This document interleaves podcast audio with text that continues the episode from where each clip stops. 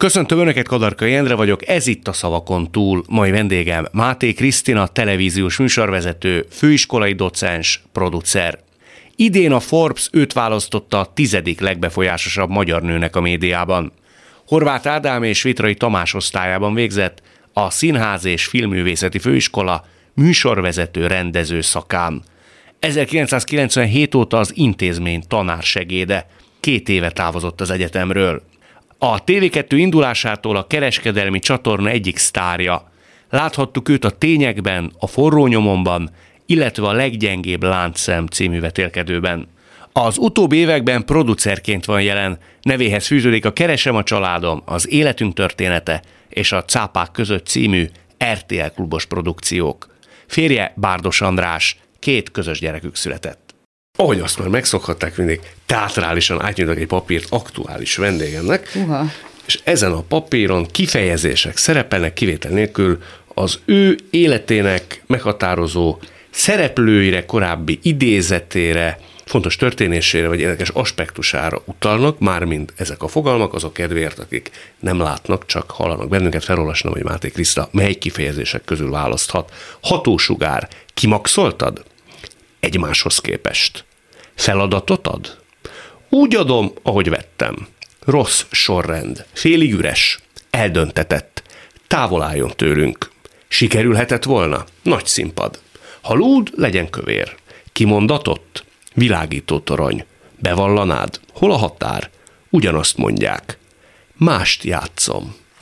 Ezek megtévesztőek is, szóval ami egy picit is úgy tűnik, hogy sugalmaz valamit, közel nem biztos, hogy azon történetre vagy szereplőre utal. Jézusom. Félig üres. Erre néztem rá, pont ebben a pillanatban. Azt mondtad egy interjúban, talán a Forbesnak, hogy te soha nem gondoltad azt, hogy nem gondoltál úgy saját magadra, hogy valamit te úgy nagyon elértél volna. Vagy amit te elértél, az olyan nagyon értékes lenne. És gondoltam, megkérdezem, ha már találkozunk, hogy miért? Hát mert az egész műfaj, amiben dolgozunk, az egy ilyen elillanó pillanatnyi valami. És aki könyvet ír, vagy énekel, annak ott marad a produkciójának a nyoma.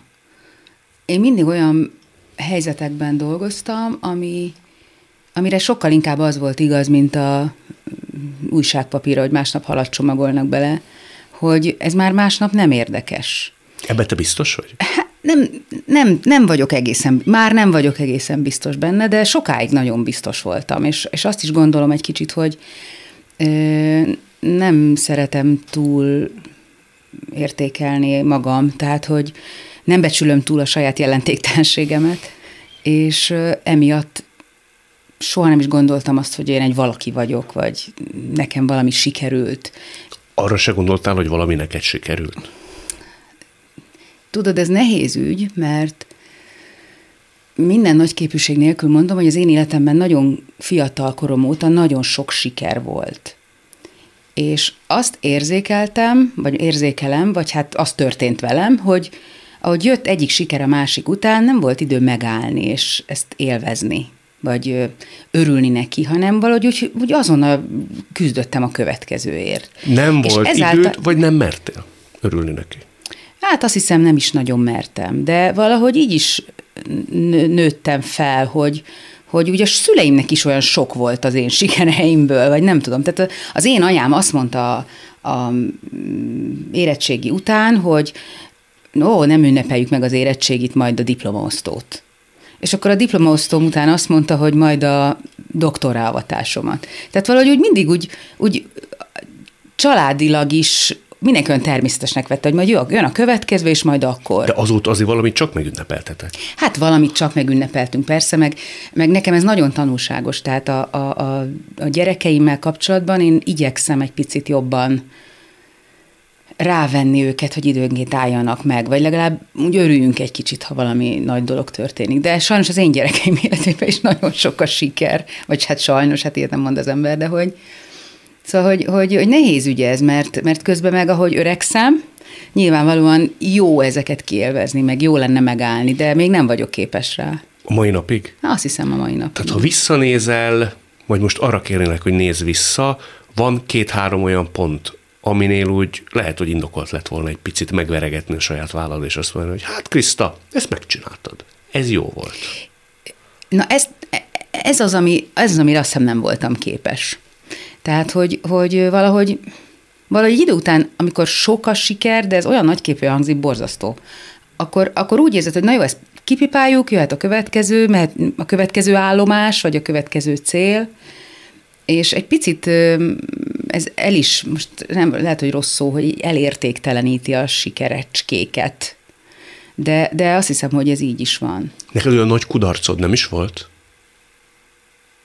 Nagy kudarcom? Azt hiszem nem. És az mi múlott szerinted? Egyszer azt mondta nekem egy okos ember, én azóta ezt imamalomszerűen ismételgettem. Jól kell célt kitűzni, nem?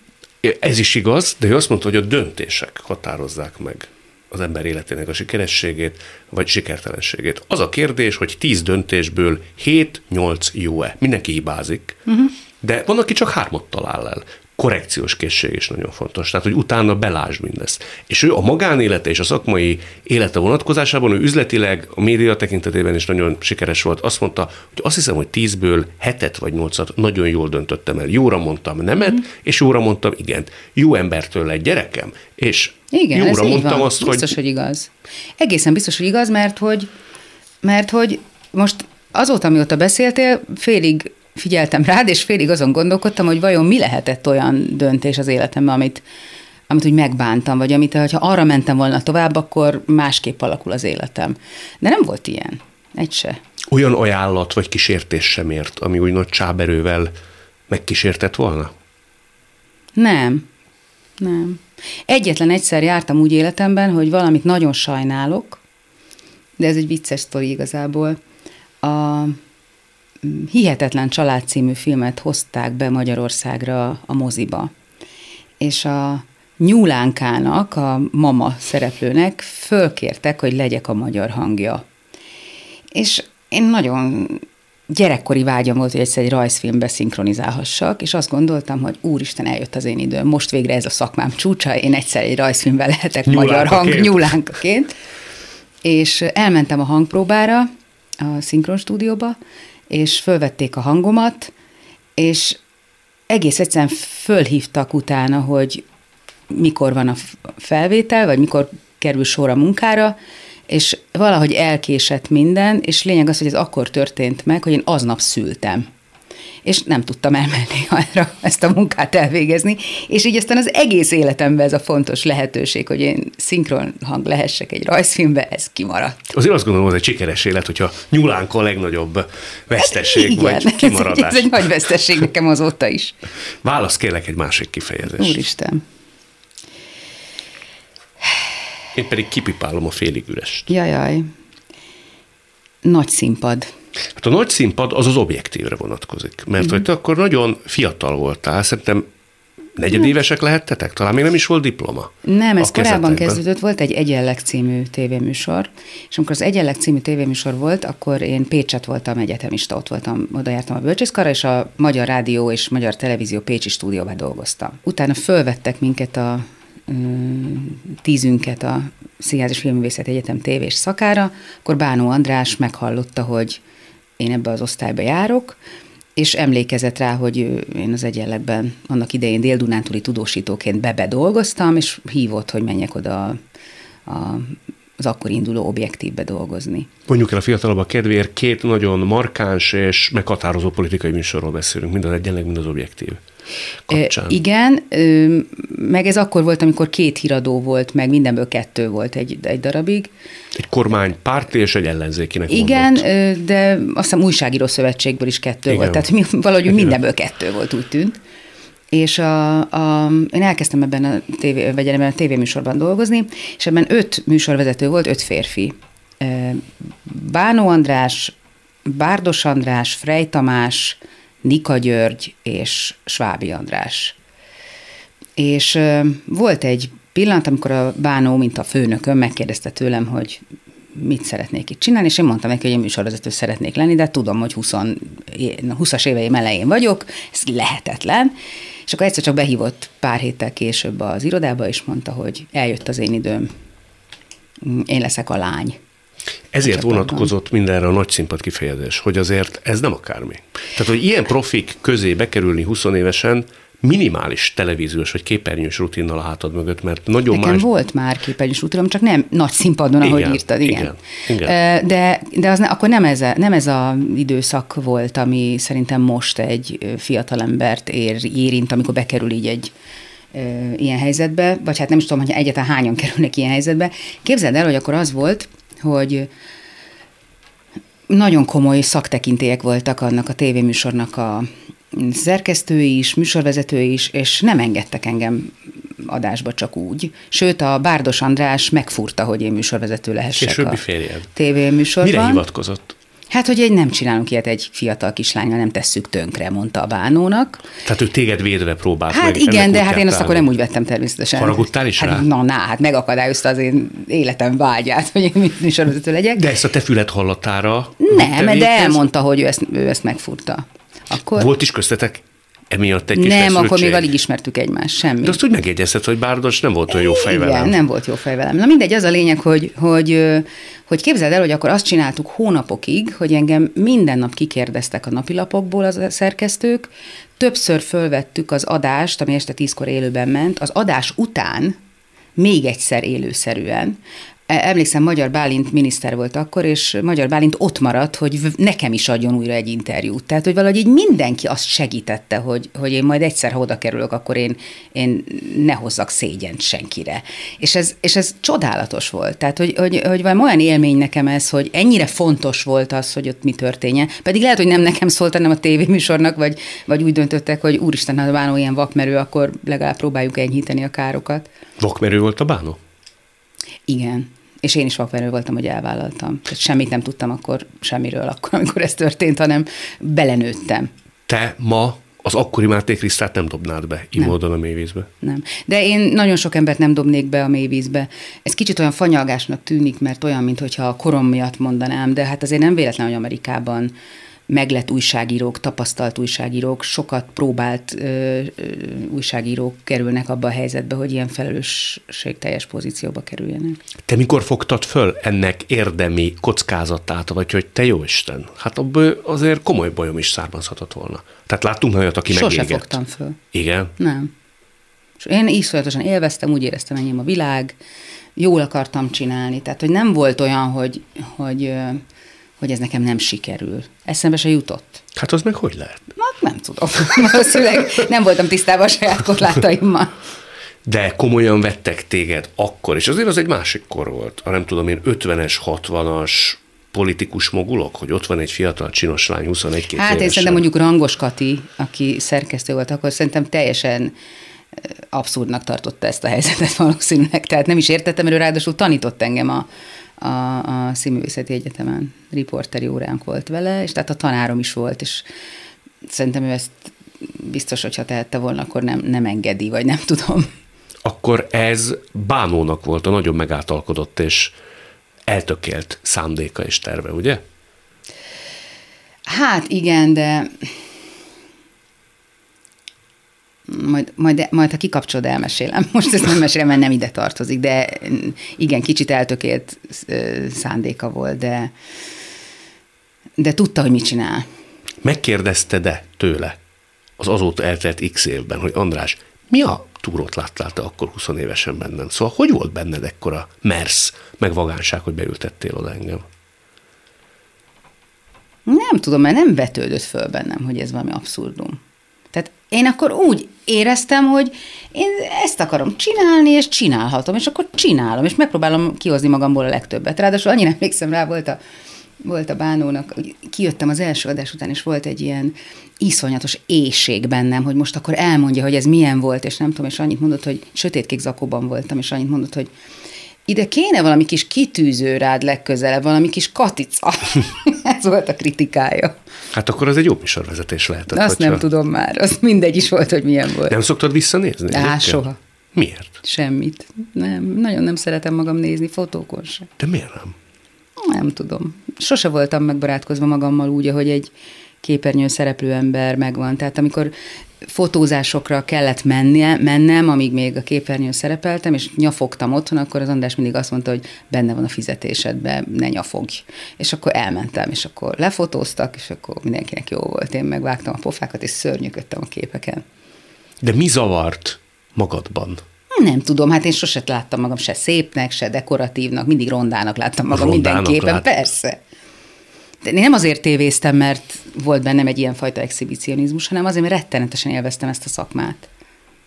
Ez milyen érdekes, hogy én legalábbis azt vettem észre, hogy nagy részben azért uh, exhibicionista mm. emberek szokták ezt választani, majdnem, hogy 80-90 százalékban. Igen, képzeld el, hogy, hogy, hogy menekülök a kamerák elől, mindig én fogom a fényképezőgépet, nehogy rajta legyek a családi képeken, tehát hogy ez egy ilyen nagyon fura, fura a kettősség. Rájöttél ennek a nyitjára? Hogy miért? Na. Akkor mit élveztél mégis benne? Valószínűleg maximalista vagyok, és én mindig látom a rosszat magamon, vagy magamban. Tehát én vagyok a legnagyobb kritikusom. Mm. Azért ez mai napig így van. Én azt mondta egyszer Bono, lehet, hogy egy picit más, mm. de azt mondta, hogy szerintem nem normális ember, az mondta saját magáról, aki kiáll 60-70 ezer ember elé, és azt hihetetlenül élvezik, hogy őt bámulják, és arra élvezkednek, hogy ő produkálja magát. És szerintem a miénk is egy, is egy kicsit hasonló szakma. Képzeld el, én soha nem gondoltam bele, hogy ezt hány ember nézi, miközben csináltam. Tehát én ott ültem a operatőrrel szemben, nekem az egy ember volt, és persze úgy átfutott az agyamon, hogy mi történik, de ebben én soha nem gondoltam bele. Soha. Hmm. Végeztem a dolgom. Azt mondtam, amit el akartam mondani, úgy, ahogy el akartam mondani. Azt a részét sem élvezted, amikor úgy, hát nem tudom, biztos, hogy ez olyan jó szó, csajoskodhattatok, vagy csajoskodhattál a sztársággal együtt. Olvasom, hogy nem is nagyon szoktál szoknyát fölvenni. Nem, és nem is nagyon csajoskodtam. Tehát ez egy, ez egy vicces. Van egy közös cégem Liluval, egy Lilu gyerekkora óta szenvedélyesen rajong a meg érdekli, meg hát nagyon belásta magát mindenféle beauty dolgokba. És volt egy Keresem a családom című tévéműsor, amikor mi beutaztuk a világot együtt, és egyszer kiderült számomra róla az, hogy ő, neki ez ilyen nagy szenved, és mondom, miért nem építesz erre egy céget, te hülye vagy? És mondta, hogy azért, mert én nem tudok céget építeni. Mondom, megcsinálom veled, csináljuk együtt. És így lett egy közös cégünk. És hát én abban, amik 12 lépcsős arcápolási rutin, meg én nem tudom micsodák, tehát hogy ő kéne, hogy tudjam ezeket a dolgokat, hogy mi mire való, meg mi mihez való, meg mi miután való, fogalmam nincs. Azóta se keltette föl benned ezt az érdeklődést?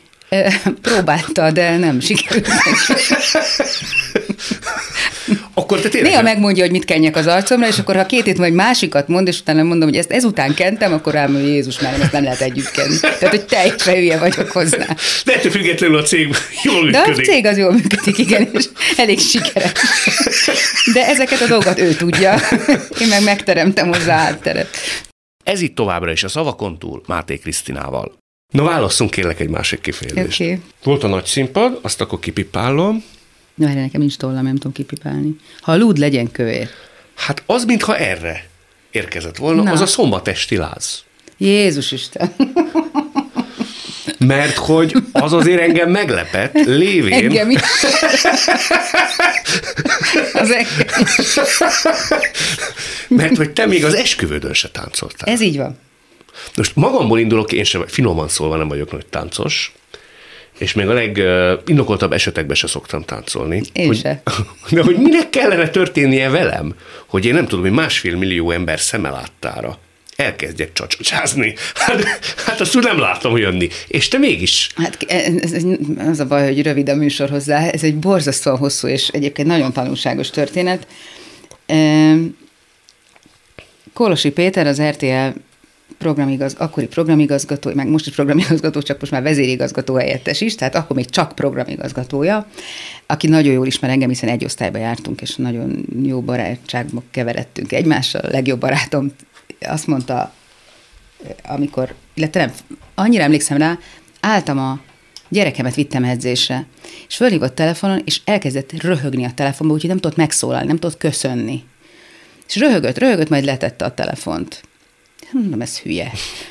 Kicsit később megint fölhívott, megint röhögött, röhögött, megint letette a telefont. És harmadszor hívott föl, és mindig nem tudta, annyira röhögött, hogy nem tudta elmondani, mit akar. És aztán elmondta, hogy képzeljem el, hogy Dirk Gerkens a RTL akkori vezérigazgatójával, nem tudom, megbeszélés volt, és a szombatesti Lászhoz keresnek szereplőket, és az a lényeg, hogy az a koncepció, a nagy félrelépés, ez volt az alcíme, hogy ismerhető párok szerepeljenek benne, és az ismerhető párok mindegyik tagja táncol egy profi táncossal, és hogy nincs kiesés, hanem végig kell csinálni az egész sorozatot. És hogy azt találta ki a, valaki az RTL-ben ezen az értekezleten, hogy én táncoljak. És ezt ő maga is nagyon mulatságosnak tartotta. Úgyhogy letettük a telefont, és meg se kérdezte tőlem, hogy akkor én ezt szeretném-e, vagy nem. Természetesen tudta a választ. És aztán másnap megint fölhívott, már akkor nem nevetett annyira, és akkor abban maradtunk, hogy dehogy szeretném, nem képzeled, hát Péter, hát ezt tudod, hogy milyen abszurd. És eltelt pár hét, és mondta, hogy baj van. Az egyik páros visszamondta, és meg kéne menteni az RTL-t. És sajnos fölhívta az Andrást is, és az Andrást valahogy rábeszélte arra, hogy az András beszéljen rá engem. Akár így volt, akár nem. Nagyon ravaszul járt el. Ez Rettenetesen egész... ravaszul járt Igen. el, azóta se bocsájtom meg neki. Na mindegy, lényeg az, hogy, hogy szóval nagyon csúnyán behúztak a csőbe, és egyszer csak azon vettem észre magam, hogy benne vagyok ebbe a helyzetbe, és nem tudok belőle kimenekülni, és még kiesni se tudok.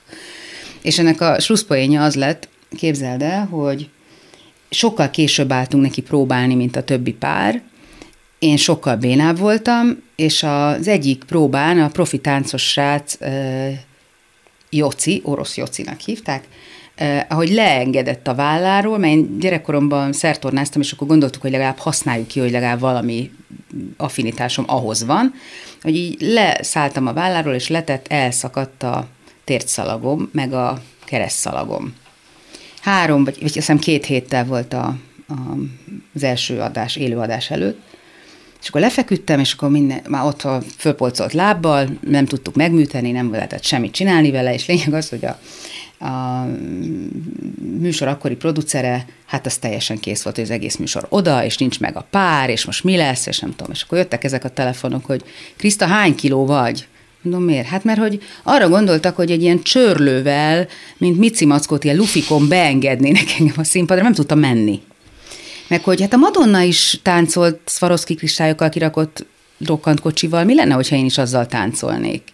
Meg mindenféle hülye ötlet volt. Lényeg az, hogy az volt a mentő ötlet, mondtam, hogy rendben van, én végigcsinálom ezt az egészet úgy, ahogy.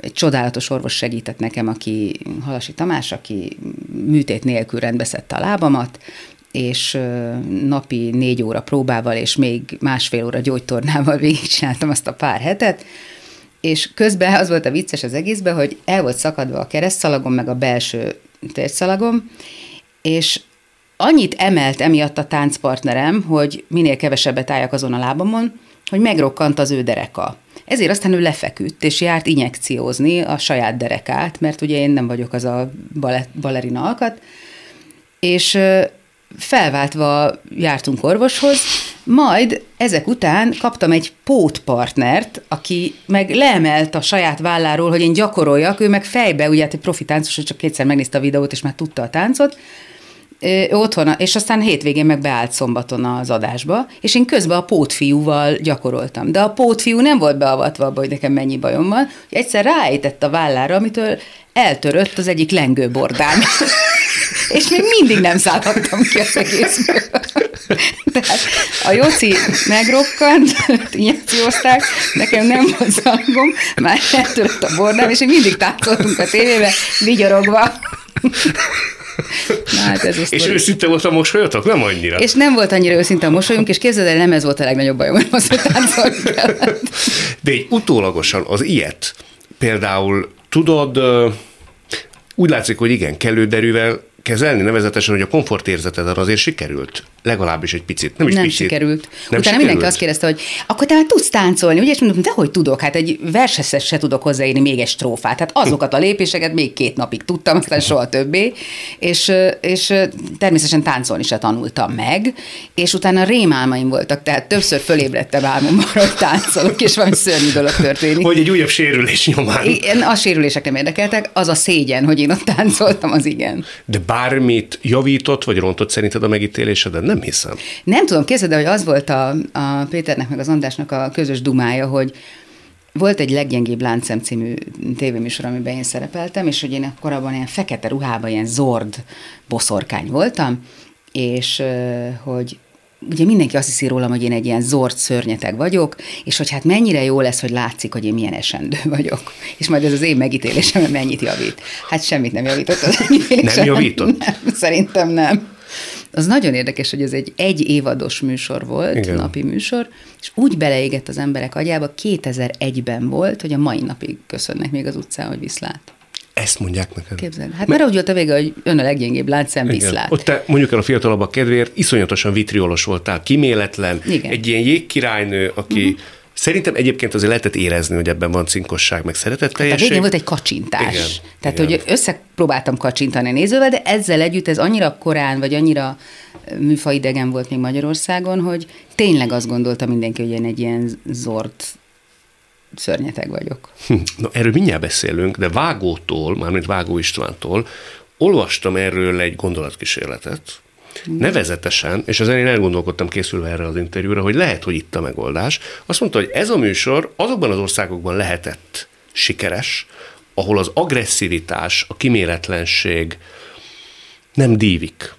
Hisz ott ez újszerű, ez rendhagyó, ott érzik, hogy ez egyfajta túlzás, ebben van valami rendhagyó. Viszont itt, mondta Vágó, van divatja annak, hogy agresszívek vagyunk.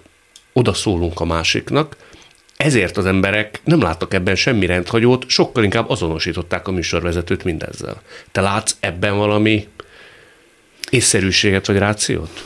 Hát, ha belegondolok, hogy a műsor Bibliájában hogy külön fejezetet szenteltek annak, hogy a műsorvezetőt hogy fogadják majd, és hogy fel kell készíteni pszichésen arra, hogy hogy fogják utálni az emberek, és Anne Robinson, aki az eredeti angol műsort vezette, őt megdobálták az utcán paradicsommal, tehát hogy mindenre föl kell.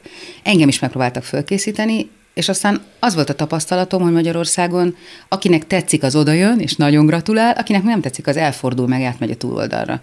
Tehát itt nem őszinték az emberek annyira egymással, hogy egy olyat, hogyha valami nem tetszik, akkor azt merjék mondani. Tehát engem igazán azon kívül atrocitás, hogy a Blik címlapján nagybetűkkel megjelent, hogy a nézők gyűlölik a TV2 kápóját, mert ugye a TV2 ment, és az anyám zokogott otthon, hogy ilyen címlap jelenik meg rólam. Ezen kívül nekem semmiféle rossz élményem nem volt, sőt. De te annak tükrében is bevállaltad ezt a műsort, hogy lehet, hogy paradicsomokkal is meg kellett volna Igen. küzdened? Én ezt rettenetesen élveztem. De mit? Ebben mit lehet élvezni? Hát mert a, maga az egész, ott az egésznek a hangulata, az csodálatos volt. Minden játékos élvezte, mindenki tudta, hogy hülyéskedünk, hogy, hogy az eredeti angol csaj az egy több elvonók urán túllévő 50 valahány éves nő volt akkor, akit alulról világítottak meg, hogy még zordabb legyen. Ebben még egy kicsit úgy bele is helyezkedtem. Tehát, hogy nagyon jó volt csinálni. Hát a, a, a mai napig állítanak meg az utcán játékosok, akik akkor játszottak ebben, hogy az milyen csodálatos volt. De nagyon a, élveztük. De a megítélésed, vagy az arcéled, az nem lett nagyon más ahhoz képest, mint amilyen volt? Én azt hiszem, nagyon sokat tettem azért, hogy én legyek alkalmas arra szerepre ebbe a műsorba. Tehát nyilván nem véletlenül ragadt rám ez a szerep, és nyilván nem véletlenül választottak engem akkor. Én, amikor 16 évesen elkezdtem tévézni, akkor én azt gondoltam, hogy nekem nagyon keménynek kell látszanom ahhoz, hogy mindenkivel elhitessem, hogy nem vagyok sebezhető. Erre miért volt szükség? A korod miatt? Hát gondolom, lány is voltam, kislány is voltam, vidéki is voltam. Igen, azt hiszem, hogy úgy éreztem, hogy ez egy páncél, csak ami rám jegecesedett végül. És, és fontosnak tartottam, hogy engem keménynek tartsanak és sebezhetetlennek. Miközben nem voltál az. Dehogy voltam. Soha nem, nem voltam. Nem. nem. nem. De még mai napig azt hiszik sokan. De ez nem nagy erőkifejtéssel jár? Másnak nem. mutatni magad, mint amilyen De nem vagy? mutattam magam másnak. Soha nem mutattam magam másnak. Én ugyanaz voltam, csak ilyen lettem. Hm. Tehát én a, a, a gyerekeimmel is elég kemény vagyok időnként. Szerintem biztos mondanák, hogy kiméletlenül megmondom a véleményemet. És mondhatnám igazán burkoltabban is néha. És miért nem úgy teszed? Nem tudom, valahogy nem csomagolom be, nem tudom. Ez jár sebekkel? Nem a gyerekekre gondolok elsősorban, hanem az emberi viszonyrendszerek kapcsán? Tehát úgy megsérthetsz embereket? Azt hiszem, hogy sértettem meg pár embert, bár valószínűleg észre se vettem, de például a tanítványaimnak, mert hogy egy olyan helyzetben, amilyenben mi keveredünk mondjuk egy stúdióbéli órán, mindig azt gondolom, hogy az őszinteség az egy nagy luxus, és az ember vigyázzon rá. Tehát például majdnem mindenkinek elmondom az első órán, hogy aki megsértődik, az hülye örüljön neki, ha valaki elmondja, és mondják el egymásnak is a véleményüket, persze építő jelleggel és ne bántó jelleggel. És én soha nem bántó jelleggel mondom a véleményemet.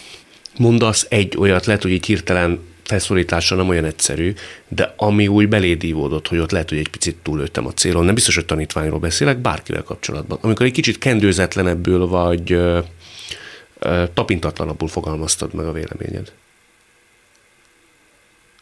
Nem vettem észre. Nem vetted észre? Valószínűleg nem.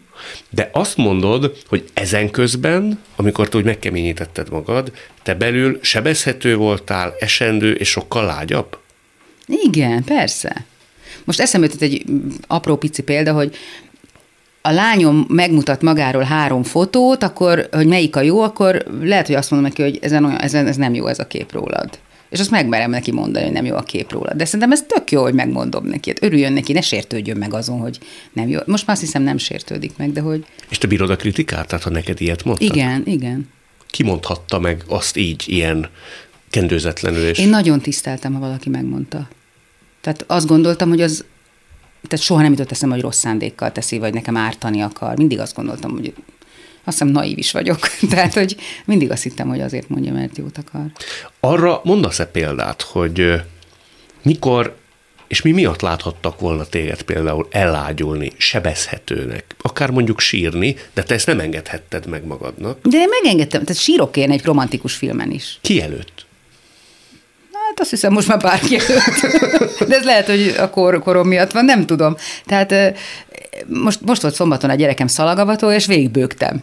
Uh-huh. Tehát, hogy nem, nem csinálok én úgy, mintha amikor éppen az történt. Tehát nem viselkedem szerintem másképp, uh-huh. mint ahogy egyébként jól esik.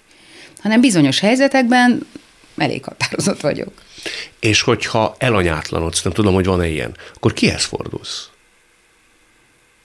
Nem nagyon van ilyen, de ha van ilyen, hát biztos az Andráshoz. Uh-huh. András biztos látott már többször elkeseredni. De az sem egy ilyen emlékezetes dolog, mert amikor elanyátlanodom, akkor el vagyok anyátlanodva. Van olyan, hogy te napokig nem tudod, hogy mi merre hány méter? Nincs. Másnap reggelre te azért általában szerintem igen, kiszoktad igen. találni. Igen. Ez honnan van meg ez a képességed? Azt mondta rólad Balogh Petya szintén a Forbes interjúban, hogy nagyon jó probléma megoldó vagy. Ez igaz. Amikor, amikor abba hagytam a bohockodást a tévében, akkor a Stájudit mondta, hogy csináljak arra egy céget, hogy én mindenkinek a problémáját megoldom, mert szerintem nekem a legjobb feladat lenne, hogyha lenne egy ilyen cégem. És eszembe jutott, hogy dehogy csinálok, én már van nekem elég problémám, amit megoldjak, ha próbálok azokon úrrá lenni. Tehát valószínűleg ez igaz, tehát ez egy ilyen észrevehető dolog. Szerintem van olyan, aki bizonyos feszült helyzetekben kétségbe esik, és van olyan, aki tudja, hogy mikor mit kell csinálni. Én mindig tudom, mit kell csinálni. Tehát ilyen feszült helyzetekben azt hiszem, hogy még jobbak a reflexeim. De ez érzelmi problémákra is igaz, a munkára is igaz, nem tudom én, valami barátnőt hozzád fordul egy szerelmi vívódása közepette, tehát akkor is vannak ilyen típusok, akik azonnak lényeg látóan azt mondják, hogy ah, megmondom, itt ezt igen. kellene csinálni, vagy igen, ott Hagyd akkor... el, persze, azonnal. hát az a legegyszerűbb. Hát nem.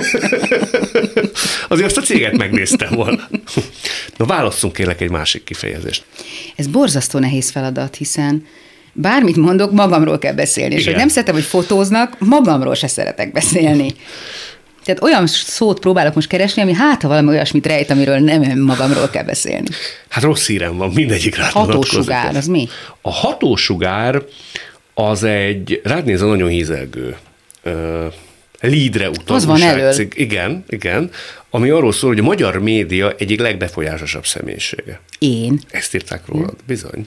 És azon gondolkodtam, hogy megkérdezem, hogy miben és hol érzette a saját magad befolyását és hatósugarát? Vagyis, hogy érzed-e? Hát, mi is lehet-e mögött? Vagy miért mondhatták, vagy írhatták? Nem arra gondolhattak esetleg, hogy olyan sikeres, nagy nézettségű műsoroknak voltál a producere, hogy ilyen értelemben neked a befolyásod, a szervezőkészséged, a hatósugarad, az megkérdőjelezhetetlen. De ez mind munka. Tehát ez nem úgy van, hogy ez szerencsém volt, én nem hiszek a szerencsében. Szerintem ez, ez ebben mögött rengeteg munka van. Meg hát az a rengeteg munka, hogy amilyen producer én most vagyok, abban benne van az én 16 éves korom óta ebben a szakmában eltöltött összes tapasztalatom. Te milyen producer vagy? Én több producerrel nem mondom, hogy dolgoztam, de láttam. Van a keménykező, tehát akiről szól a produkció, és az ő szava szent, hogy mondjak egy másik, ilyet is láttam, és mondok egy másik végletet, aki tulajdonképpen simogat, és ő a trambulin aki által megemelkednek az arcok, a fontos szereplők. Na most ebből a kettőből természetesen a B-t választanám, de ezt nem merem. Tehát nem, mm, valójában szerintem én így az anyja vagyok az egésznek. Tehát én hiszek abban, hogy amit egyébként a modern üzleti világból nagyon sokat átvettem és tanultam, hogy, hogy egyrészt nem akarom magamnak delegálni az összes döntést és az összes feladatot, hanem valamennyire teret engedek a saját munkatársaimnak, hogy mindenki a sajátjának is érezze ezt a dolgot, és hát akkor van véleményem valamiről, ha fontos vagy érdekes a véleményem. Egyébként csak úgy nem mondom a magamét. És nem, hisz, én nem hiszem, hogy rátelepszem a, a dologra. Mondjuk ezt tőlük kéne megkérdezni, én legkevésbé tudnám megmondani, de nem tudom, nagyon régóta dolgozom ugyanazokkal az emberekkel. Nagyon szeretek kiállni emberekért. Azt látom, vagy érzékelem most már, visszajelzések alapján, hogy, hogy az a stáb, akikkel együtt dolgozom, azok, azok szeretnek velem dolgozni, és azt hiszem, hogy nekem ilyen kicsit ilyen szeretetéségem is van, hogy nekem ez jó, hogy ők szeretnek velem dolgozni. De ugye mi beszélgettünk már a Világtalálkozó című műsorban, mm-hmm. és azt mondtad, hogy te például sokszor úgy tárgyalsz, hogy a másik Igen. érdekeit majdnem, hogy előbbre helyezed. Abszolút. De lehet úgy hatékony egy producer, hogy adott esetben saját magának tesz egy picit rosszat, csak azért. De ez hosszú távon mindig vissza. Bejön? Mindig. Szerintem mindig. Tehát például soha nem csinálok olyat, most ez egy abszolút hülyeség, és valószínűleg most mindenki azt mondja, aki hallja, és nem így gondolja, hogy én egy marha vagyok. De például valaki leadja a számlát, akkor én nem várom meg a 30. napot, hogy kifizessem. Ha leadta a számlát, akkor én kifizetem a pénzét. Most miért nálam álljon az ő pénze? És akkor, ha ezt úgy kiszámolná valami üzletember, hogy ez kamatokban mennyi, amennyit én elveszítek ezen, de én azt gondolom, hogy ilyen nincs, hogy tehát, hogy nem tudom, mert hát valahogy másképp vagyok bekötve, de nem biztos, hogy normális ez, hanem ez nekem, nekem ez csak így komfortos. Hmm. Szerinted te producerként jobb vagy, mint képernyősként voltál? Akkor kérdezel, honnan tudjam? De tőlem kéne, én nekem kéne válaszolnom erre. Hát, nem tudom, remélem. Reméled? Uh-huh. Jobban örülnél neki, hogyha ez nyerne visszaigazolást? Igen, mert ez egy sokkal összetettebb dolog, és sokkal nagyobb felelősséggel járó dolog, és nyilván sokkal tapasztaltabb is vagyok, nem mondom még egyszer, hogy idősebb, mert másokat mondom, de hogy, Szóval ez van később, egyszerűen csak annyi. Tehát, hogyha azokat a tapasztalatokat nekem sikerült beleraknom ebbe a mostani munkámba, akkor minden oké. Okay. Ha nem sikerült, mert most rosszabb helyzetben vagyok, mint akkor voltam, akkor nem oké. Okay. Neked nem is volt annyira fontos a képernyős jelenlét, az ezzel való habverés? Soha. Soha? Soha. Nem is vetted magad olyan értelemben komolyan, hogy én ott vagyok a képernyőn, ezt a skillt, csúnya szóval érve, vagy képességemet járassam csúcsra? A perfekcionizmusom miatt én azt gondolom, hogy mindent megtettem azért, hogy csúcsra járassam. De, de élvezni nem tudtam, mert soha nem tudtam, hogy az a csúcs, vagy még van egy kicsi. Tehát tényleg, tényleg a, a, a külcsín részét azt soha nem élveztem. Tehát én emlékszem rá, amikor annak idején a hírműsorban egy mondaton, egy headline mondaton órákig vitatkoztunk, hogy az hogy jó. Tehát ebben volt, vagy ebben láttam én a szépséget, hogy, hogy azt mondjuk, és pont azt mondjuk, és, és úgy mondjuk, ahogy, ahogy valószínűleg mindenki számára érthető, hogy elvégezzük a munkát, és ne csak úgy oda kenjük. És én akkor szenvedtem tőle, mert nem tudtam kimenni kisírt szemmel az zöldségeshez, és úgy éreztem, hogy mindig az egész intézményt képviselem, amikor kimegyek az utcára, és nem tudok elbújni, és nem tudok magam lenni. Nem is voltál felett ilyen helyzetekben? Nem, soha nem. De mondjuk én egyébként sem. Egyébként sem? Hát én úgy bulisztam mindig, hogy rajtam maradt a táska, meg a kabát, és álltam a sarokba. Hát nem Té. táncoltam, persze. nem, nem, a barátaimmal jól érzem magam, tehát nem vagyok teljesen elmebeteg, de de ezeket a nyilvános szerepléseket soha nem, tehát ilyen sztori díját adó, meg nem tudom milyen, ez mindig El sem mentél? Hát amikor tudták, hogy nem fogok elmenni, és akkor amikor díjat kaptam, akkor előtte mindig fölhívott Ómolnár Miklós, hogy most gyere el, Léci. Nem mondom meg miért, de gyere el. És akkor így elmentem. a nyilvánosság, az előlevés, az úgynevezett sztárság sem oldotta ilyes formán a te zárkózottságodat? Vagy szemérmességedet? Nem, hát sőt, hát szerintem fordítva hatott ez a dolog, mert annál, minél inkább az ember kirakatba kerül, annál inkább érzi azt, hogy a fontos pillanatok azok hadd maradjanak meg nekünk. Tehát a mi esküvőnkön a költségvetés legnagyobb tétele az volt, hogy megvédtük magunkat a fotósoktól, hogy oda ne férjenek a közelünkbe. Ezt olvastam, és nem is akartam igazán, nem azt mondom, hogy elhinni, nyilván elhiszem, csak el sem tudom képzelni, hogy ott micsoda őrület lehetett irányotokba érdeklődés hát címén. Akkor, ez, akkor, akkor valahogy így pont olyankor volt ez a tévé szereplésünk miatt, hogy érdekesebb volt, mint meg a gyerekünk születésén is, ezek ilyen szörnyűséges élmények, hogy állnak a kórház előtt, és várják, hogy jöjjünk ki. Tehát, hogy ez, ez olyan volt, mint a filmekben akkor, és én ettől is rettenetesen szenvedtem. Tehát emlékszem rá, hogy a kórház vérszállító autójába szálltunk be a babával, az András kiment a nagykapun, vitt pogácsát az újságíróknak, meg kiszöktünk a kiskapun, vagy fordítva. Tehát, hogy én soha, soha nem akartam. Tehát nem, ját, nem eljátszottam, hogy nekem ez nem jó, hanem én azt éreztem, hogy a saját intim pillanataim, a magánéletem, az hadd legyen az enyém. Annyi minden zajlik a kirakatba, hadd legyen valami meghitt. Ugyanakkor említetted a perfekcionizmust, meg a mhm. maximalizmust. Igen. És ugye te, ez az egyik téma, de most akkor lépjünk ezen túl, majd hát, ha kihúzod, Na, hogy te azt mondtad, hogy te producerként is a legjobb akartál lenni. Igen. Mikor belevágtál. Persze. Ez sikerült? Másodiknak minek? Nem jó másodiknak lenni? Nem. Képzeld el, a gyerekeim karatéznak, és azért aztán tudom, hogy a karatéban a, az ezüstérem az mindig egy bukott meccs után van. Tehát az aranyérmes nyer, és az ezü, ugye a döntőben, és az ezüstérmes az elveszti a... Azt szokták mondani, az ezüstérmes az első vesztes. Így van. Tehát a, és ez a, szerinted igaz? Hát a karatéban nyilván nem, mert halálboldog vagyok a gyerekem összes ezüstérmével. Nem volt neki olyan sok, de volt azért pár, és nagyon fontos Európa-bajnokságon, korosztályos Európa-bajnokságon, meg ilyen helyeken. De az, de az abban valahogy mindig van egy ilyen furcsa keserédesség. És, és az én perfekcionizmusom a 99%-ot nehezen tűri. Semmilyen minőségedben? De hát biztos, biztos nem vagyok elég jó anya, meg nem vagyok elég jó barát, meg nem vagyok elég jó feleség. Úgyhogy de, bizonyos minőségekben kénytelen vagyok elfogadni. Akkor ott miért tudod elfogadni, ha munkádba kevésbé? Mert akkor elfogadom, ha mindent megtettem azért, hogy a száz legyen. De ha nem tudom, akkor nem tudom, akkor ott vannak a határaim. Te azt mondtad, no, erről is beszélünk majd mindjárt, csak hogy elvarjuk ezt a szállat, azt mondtad, hogy a legjobbnak kell lenni. Ö, hát de ez belső kényszer. Ezt értem. Ez belső kényszer. Persze. Nem Senki egy... nem várja el tőlem, hogy legjobb legyek. Hát én ezzel mindig tomáskodom egy picit, hogy az ember ezt miből meríti, miért vannak ilyen hajtó erői, hogy nem egyfajta gyerekkori elvárásrendszernek nem, a kivetülése, nem, nem? Nekem nem volt igazán elvárásrendszer. Szerintem iszonyat sikeréhes vagyok. Hát van aki, van, aki attól boldog, ha megismerik az utcán, én meg attól vagyok boldog, ha valami sikerül. Nem tudom, biztos ilyen egyszerű. Hát azért te mondjuk nyolc évig zongoráztál, úgyhogy a hátad közepére nem Na, kívántad. az például az életem egyetlen kudarca, látod a zongora. De nem értem meg úgy, mert nem érdekelt soha.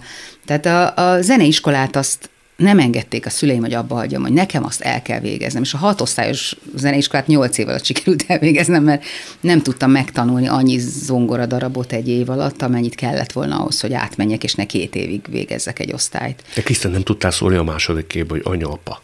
Ez nagyon nem az én műfajom. Hagyjuk a felébe. Nem, mert valahogy a szüleim azt érezték, elkezdtem akkor teniszezni, és ez úgy éreztem, hogy ez az én életem lesz, és a teniszezés után volt a zongora leckém, és a zongora tanárnő, aki a szüleimmel aztán nagyon jóba lett, ő reklamált, hogy ez így nem lesz jó, tessék abba a teniszt. És én meg közöltem, hogy biztos a zongorát hagyom abba, és nem a teniszt. És akkor a szüleim azt mondták, hogy nem, mert a zenéskolában benne van több év, és azt előbb kezdtem, és majd akkor teniszezzek, ha befejeztem a zenéskolát, és ezt be kell fejezni. És ezt lenyomták a torkomon valahogy.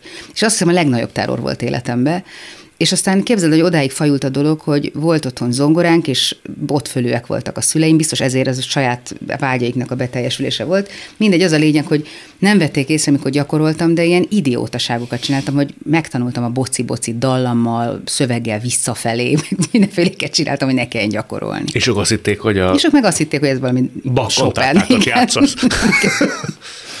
szóval nem látod ebbe te az összefüggést? Nem. Azt mondod, Biztos, hogy... hogy van, de én nem látom. Azt mondod, hogy sikerészség.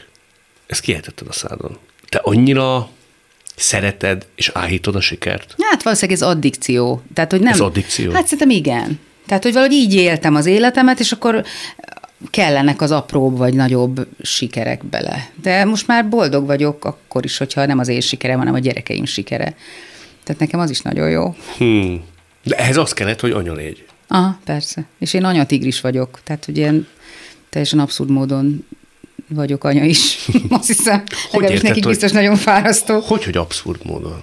Hát, hogy ilyen, abban is azt hiszem elég perfekcionista vagyok, meg, meg, meg gondoskodó, és próbálok nem annyira, most már, hogy nagyobbak, visszább húzódni, de nem tudom, hogy annyira sikerül mint amennyire ők. Nekik nem kell zongorázni, nem akarnak. Nem, de hogy is. Semmit nem kell csinálniuk.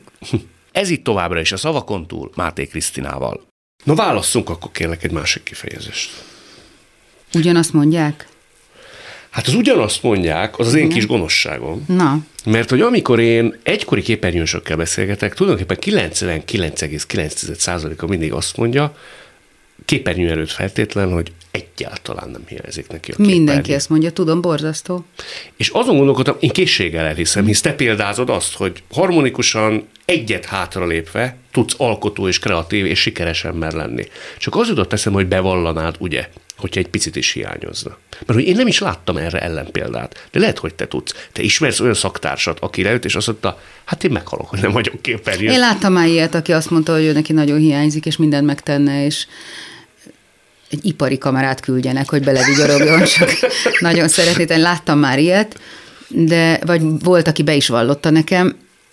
Nem tudom, tehát hogy én azt gondolom, hogy ez, ez egy nagyon furcsa pszichés állapot, az, amit tesz az emberrel. Nem véletlenül van, hogy például a valóság sok szereplői megbolondulnak, amikor kikerülnek a hirtelen vett népszerűségbe hogy egyrészt nekem nagyon nagy a mázlim olyan szempontból, hogy ugye 16 éves koromtól ez nekem fokozatosan jött. Nekem nem volt az életemben egyetlen egy olyan hét sem, hogy nem ültem volna a kamera előtt 2009-ig. Én ezt készséggel elhiszem. Ugyanakkor te azt mondtad már 16 évesen, hogy nagyon sokat tettem azért, és akkor is fontos volt, uh-huh. hogy megismerjék, hogy ki az a Máté Kriszta. Vállaltam karácsonyokat, szilvesztereket, éjjel. Nem, ezt, ezt akkor rosszul írták. Lehet. Tehát ezt én nem így gondoltam soha. Én úgy gondoltam, hogy ne, ne azért, nehogy megtudják ki a Máté Kriszta, én a legjobb műsorvezető akartam lenni, és azt gondoltam, hogy ahhoz, hogy a legjobb legyek, ahhoz nekem rengeteg ö, tapasztalatot kell gyűjtenem, és mindent el kell vállalnom, hogy kellően rutinos legyek, hogy minden helyzet egyszer már előforduljon az életemben. Ezért tényleg mindent elvállaltam. Minden karácsony, minden szilvesztert nekem nem voltak nyaralni, meg semmi. Én nagyon sokat dolgoztam, teljesen embertelen módon sokat dolgoztam. De mondjuk 10-20 évesen is. Uh-huh. Hát az nagy lemondással jár azért. Igen. Azt éreztem, hogy egyszerűen én így, így tanulom ezt meg. Nem is volt közben lazítás. Nem, arra nem? nem? valószínűleg ez ilyen személyiség függő, hmm. hogy én soha nem voltam ilyen nagy bulista, meg nem szeretem, ha elveszítem a kontrollt. Nem szereted? Mm-mm. Mert akkor mi történik? Nem tudom. Nem is volt olyan, hogy eldobáltad az agyad? nem, És nem hiányzott? nem. No, de vissza a szakmához, azt mondod, hogy te akartál lenni a legjobb uh-huh. műsorvezető. Aztán nem foglak piszkálni ezzel a legjobb második, de egy ilyen Már perfekcionista jó lesz, ha nem piszkálsz vele. Igen. De volt, amikor így gondoltál magadra? Hogy Nem, sikerült? Soha, nem? Soha, nem, soha.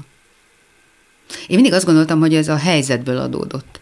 Tehát én soha nem gondoltam azt, hogy én azért vagyok a rádióújság címlapján karácsonykor, mert én olyan jó vagyok, hanem azért gondoltam, hogy sokat fizetett értem a cég, hogy én legyek a karácsonyi címlapon. De szerintem, bocsánat, hogy vitatkozom, ez két dolog. Az egyik a csillogás része, amit megbeszéltünk, hogy nem élveztél. A másik a szakmai önérzet, igény és a saját maga által állított szakmai mércéje az embernek. Az nagyon más, mint a Igen, de ez jó döntés, tehát ez az én döntésem volt, hogy én ezt a pályát válasszam, hogy én azokban a műsorokban dolgozom, minden az én döntésem volt.